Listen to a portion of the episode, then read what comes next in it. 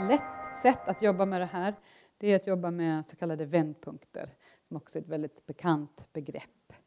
Um, men vad är en vändpunkt egentligen? Det är en sak att använda begreppet, men hur använder jag det själv när jag skriver?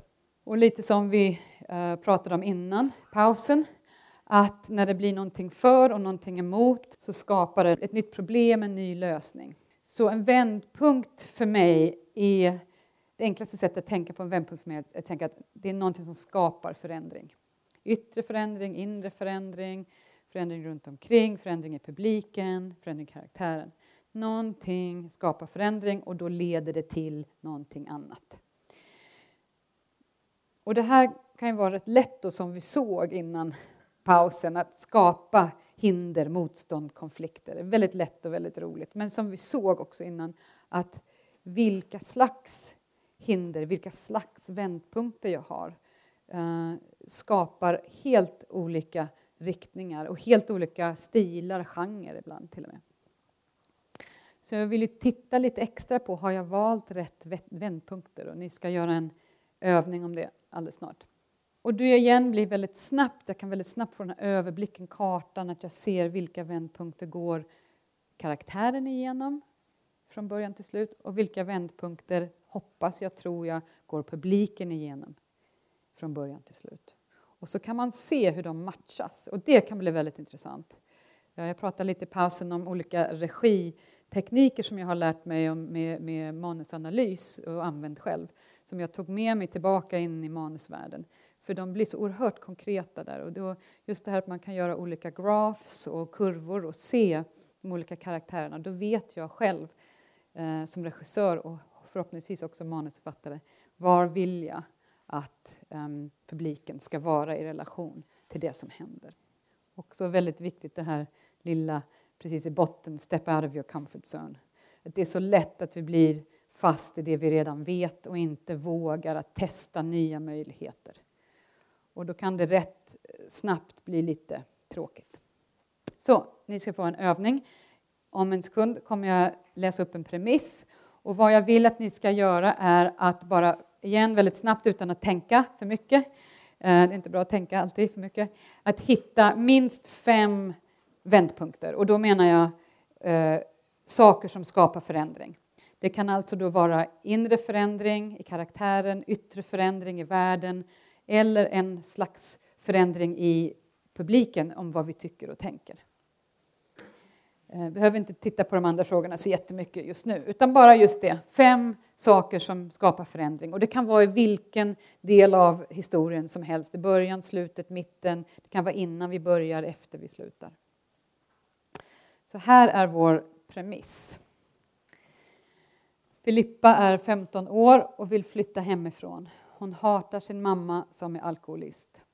Hon hatar sig själv för att hon också börjat festa för mycket och inte vet vad hon vill egentligen.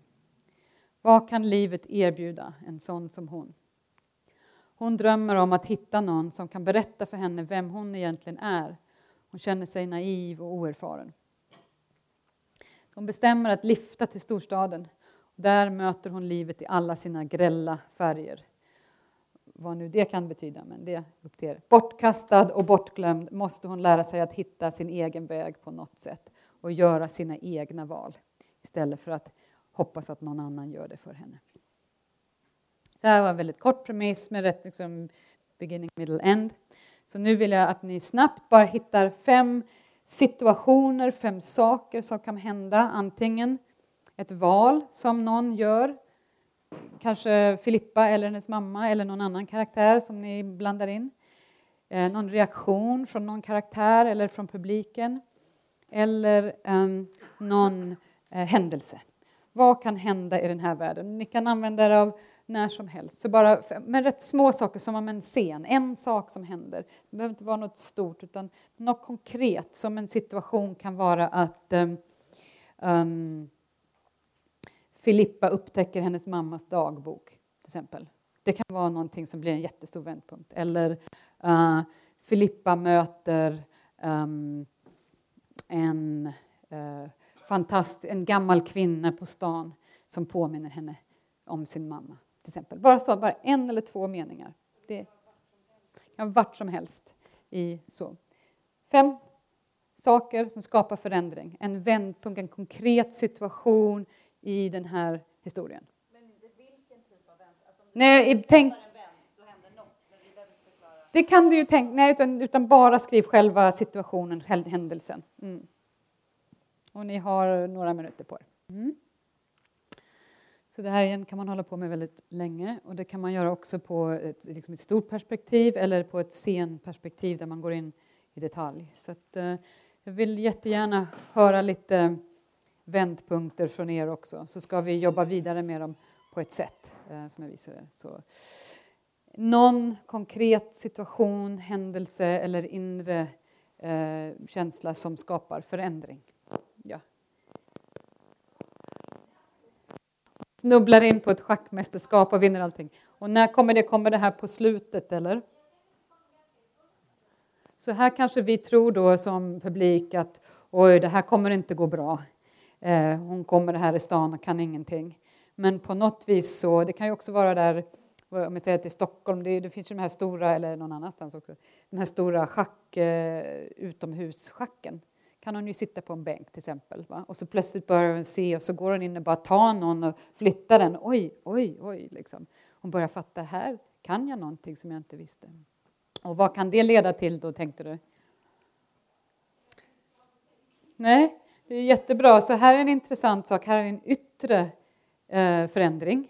Eh, att hon gör någonting till det yttre, hon går in på något vis schackmästerskap och ser att hon förstår hur man spelar det här och kanske till och med går in och, och deltar.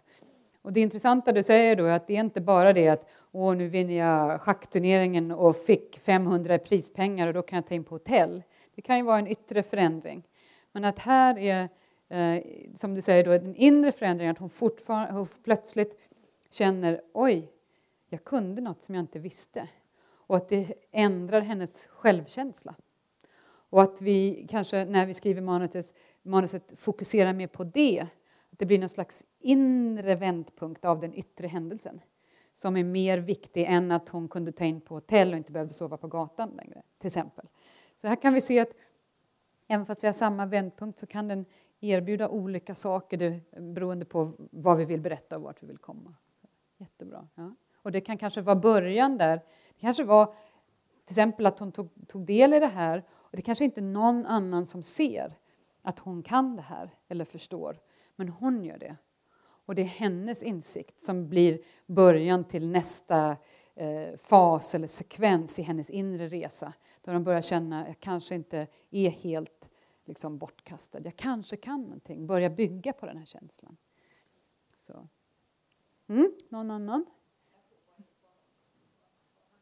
Mm, så när hon kommer till stan så hon vet att hon aldrig har varit här förut, så vitt hon vet.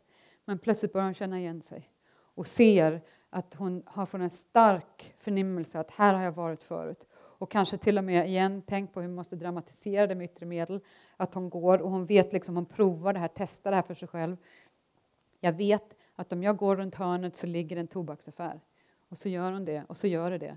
Och så tänker hon shit, Gud, och så måste jag prova det igen. Och så tänker jag, nu ska jag låtsas att jag inte vet någonstans. Och så kommer jag ihåg, var det inte så att det var ett stort träd där i någon park? Kan jag hitta det? Och så, såklart så måste vi göra att hon inte hittar det först, så att hon kan få lite mer spänning. Men sen hittar hon det. Så att där har vi en hel liksom, scensekvens där plötsligt. Och då igen blir det en ny fråga som lyfts fram i den här berättelsen. Att kanske handlar det inte, vi trodde i publiken att det skulle handla om oj, liksom, hon kommer på, hamna på gatan och vilken tragedi, det här kommer bli jobbigt. Men så händer något helt annat. Att hon börjar komma ihåg saker och, och förstå att uh, jag kanske inte vet allt om mitt liv som jag trodde. Och har jag också haft någon slags, om man var riktigt så här snazzy, har jag också fått massa blackout som min mamma har när hon dricker för mycket. Det menar jag inte fysiska, men var liksom på något vis kanske hon börjar förhålla sig till mamma på ett annat sätt för att hon börjar förstå hur det är att leva när man inte kommer ihåg saker och vem är jag då? Så igen kan man ju se det finns alla möjliga saker man kan göra med en sån eh, vändpunkt som blir väldigt intressant. Men vi kan också se att en sån liten, liten händelse kan ha stora um, stort eh, påverkan på vad som händer sen och vilken riktning jag vill gå. Så här blir det en helt annan historia nästan. Det är också en helt annan fråga som lyfts fram för publiken och vi börjar uh, det, det, är jättespännande tycker jag när man tror att det är en genre eller sådär, så blir det nästan en annan genre av det. Mm, jättekul, tack. Mm. Ja. Wow. wow.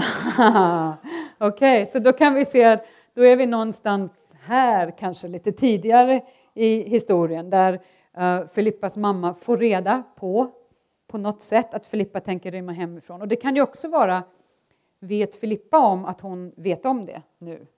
Eh, hon kanske hittat hennes dagbok och har läst om det här, men Filippa vet inte om varför eh, förändras hennes mamma plötsligt då? Mamma slutar dricka, mamma försöker ta tag i sig själv, vara nykter, vara med henne. Eh, så det är också en intressant fråga. Vet Filippa om den här, varför den här förändringen sker eller ej? Eh, och sen den här intressanta twisten då som det visar sig att det var inte kanske bättre när hon var nykter. Och, det blir en jätte, och vad gör Filippa då? Och vad, vad tycker vi i publiken? Tycker vi samma som Filippa?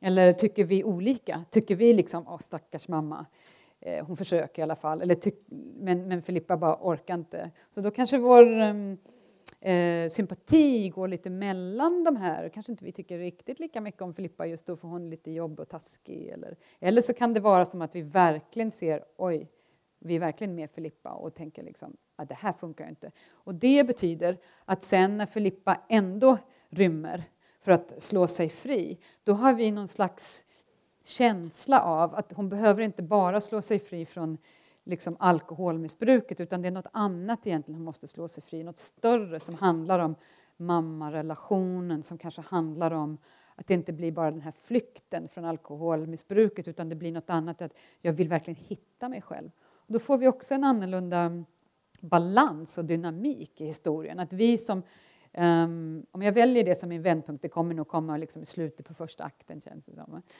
Uh, så, så känn, då kan jag plötsligt känna att aha, nu är jag verkligen med Filippa. Jag vill verkligen att hon ska rymma. Det är inte det här, åh nej, nej, nej, gör inte, gör inte, gör inte. Så det kan ju också göra en stor skillnad. Jätteintressant. Mm. Ja.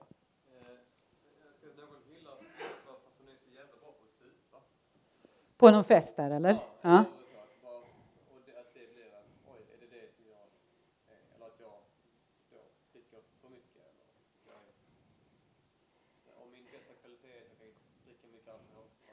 Och blir jätte så här, blir hon liksom, är det att hon kan dricka så mycket, hon kan dricka mycket mer än alla andra eller att hon blir så rolig när hon dricker eller vad tror du?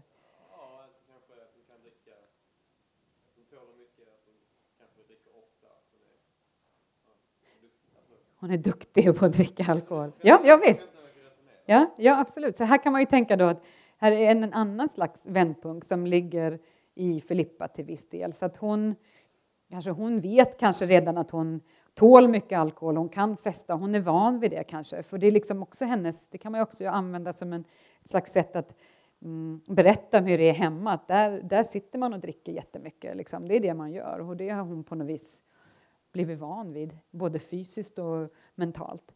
Men hon kanske kommer in en ny fest eller ett gäng, eller att det är hennes gamla gäng och alla vet det och liksom det kommer till en viss punkt på en fest alla liksom Filippa, Filippa, Filippa, Filippa och så ska hon liksom visa sig att hon kan dricka liksom tre gånger mer än alla andra. Och då, vad väcks i publiken då? Vad väcks i henne som karaktär? Eventuellt en tanke om att är det här det jag kan?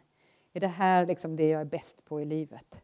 Och vad betyder det? Så det här ser vi då kommer rätt tydligt. Det kanske kommer till och med i de första tio minuterna av en långfilm, kanske till och med i de inledande scenerna där de sitter så här, Filippa, Filippa, Filippa. Och alla ger henne liksom, men den här, den här, den här. Och hur mycket hon dricker så blir hon liksom aldrig riktigt full, inte helt superberusad. Så hon är också väldigt annorlunda då mot sin mamma kan man säga, kanske, eller inte. Så hela tiden där kan vi titta på vad är skillnaden och likheterna med med mamman som både blir en slags antagonist men också en, en spegel, tematisk spegel som vi pratade om.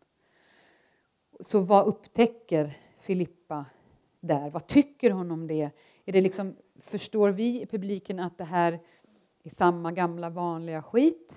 och hon har blivit van vid det här och det här är bara ett sätt att öppna filmen och berätta rätt mycket snabbt, effektivt på vad som pågår både till det yttre eller till det inre. Eller är det en eh, riktig vändpunkt där hon plötsligt känner att nej, jag kan inte hålla på så här längre. Eh, jag vill inte vara den här människan. Och, och, det är det du är ute efter lite? Ja. ja. Jag måste härifrån.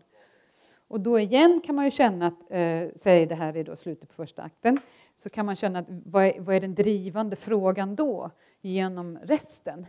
Att den drivande frågan kanske inte är mm, kommer Filippa fly från eh, alkoholmissbrukande mamman utan det kanske kommer vara att eh, kan Filippa hitta en annan slags identitet eller kan hon hitta något annat hon är bra på? Och då igen som publik så får vi lite annan känsla på vad vi vill ska hända. Då vill vi kanske, vill vi att hon ska bort? Förstår vi varför hon vill bort egentligen? Hon vill inte vara kvar. Det kanske inte handlar jättemycket om mamman.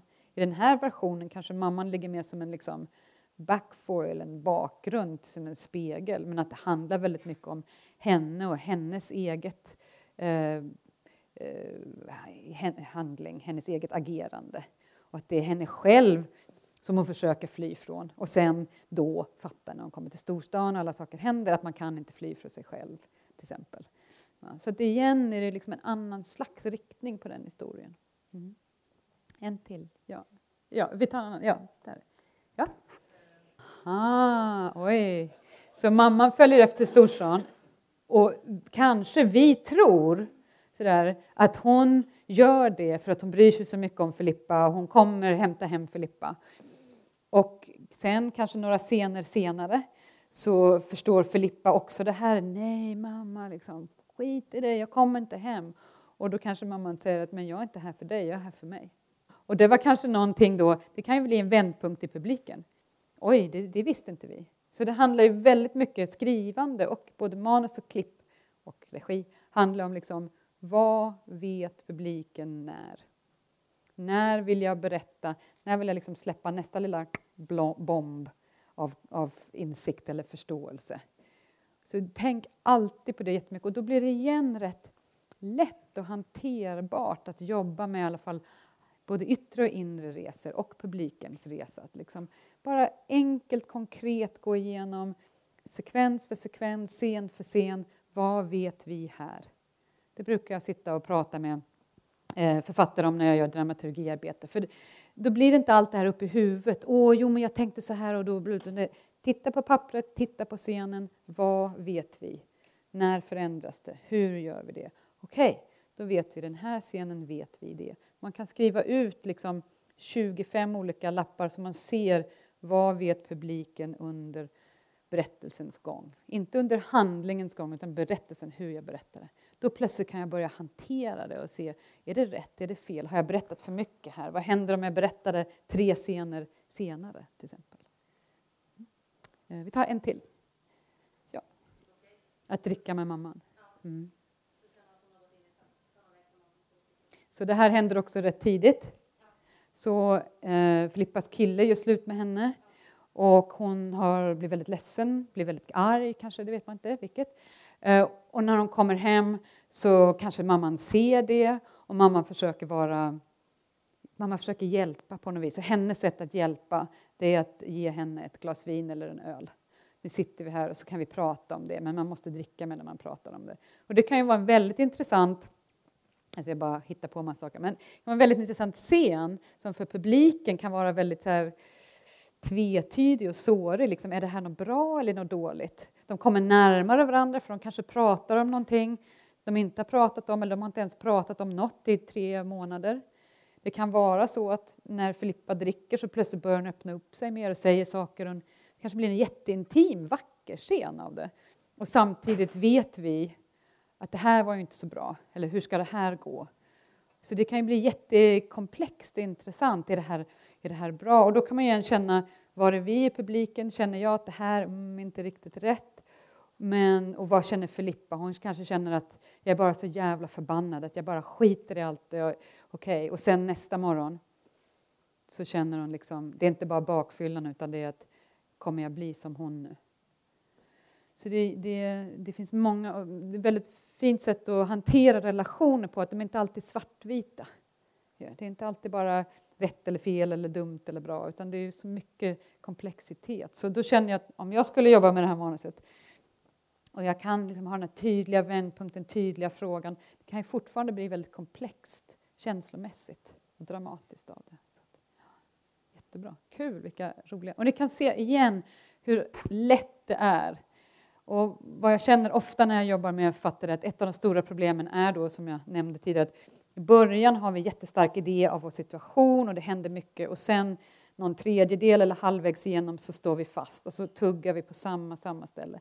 Så just det här sättet att arbeta med väldigt enkla medel, att släppa in moment, ögonblick till det yttre inre som skapar förändring. Okej, okay, det kanske inte är rätt, det kanske är jättebanalt, det kanske är löjligt, men det är någonting händer till det yttre eller till det inre och då kan vi börja prata om det och se vad det leder till. Och var det dit jag ville gå? Nej, jag vill gå här. Ja, men vad kan hända då? Vad kan skapa den förändringen? Man måste ju liksom öppna upp det så att det kan hända saker.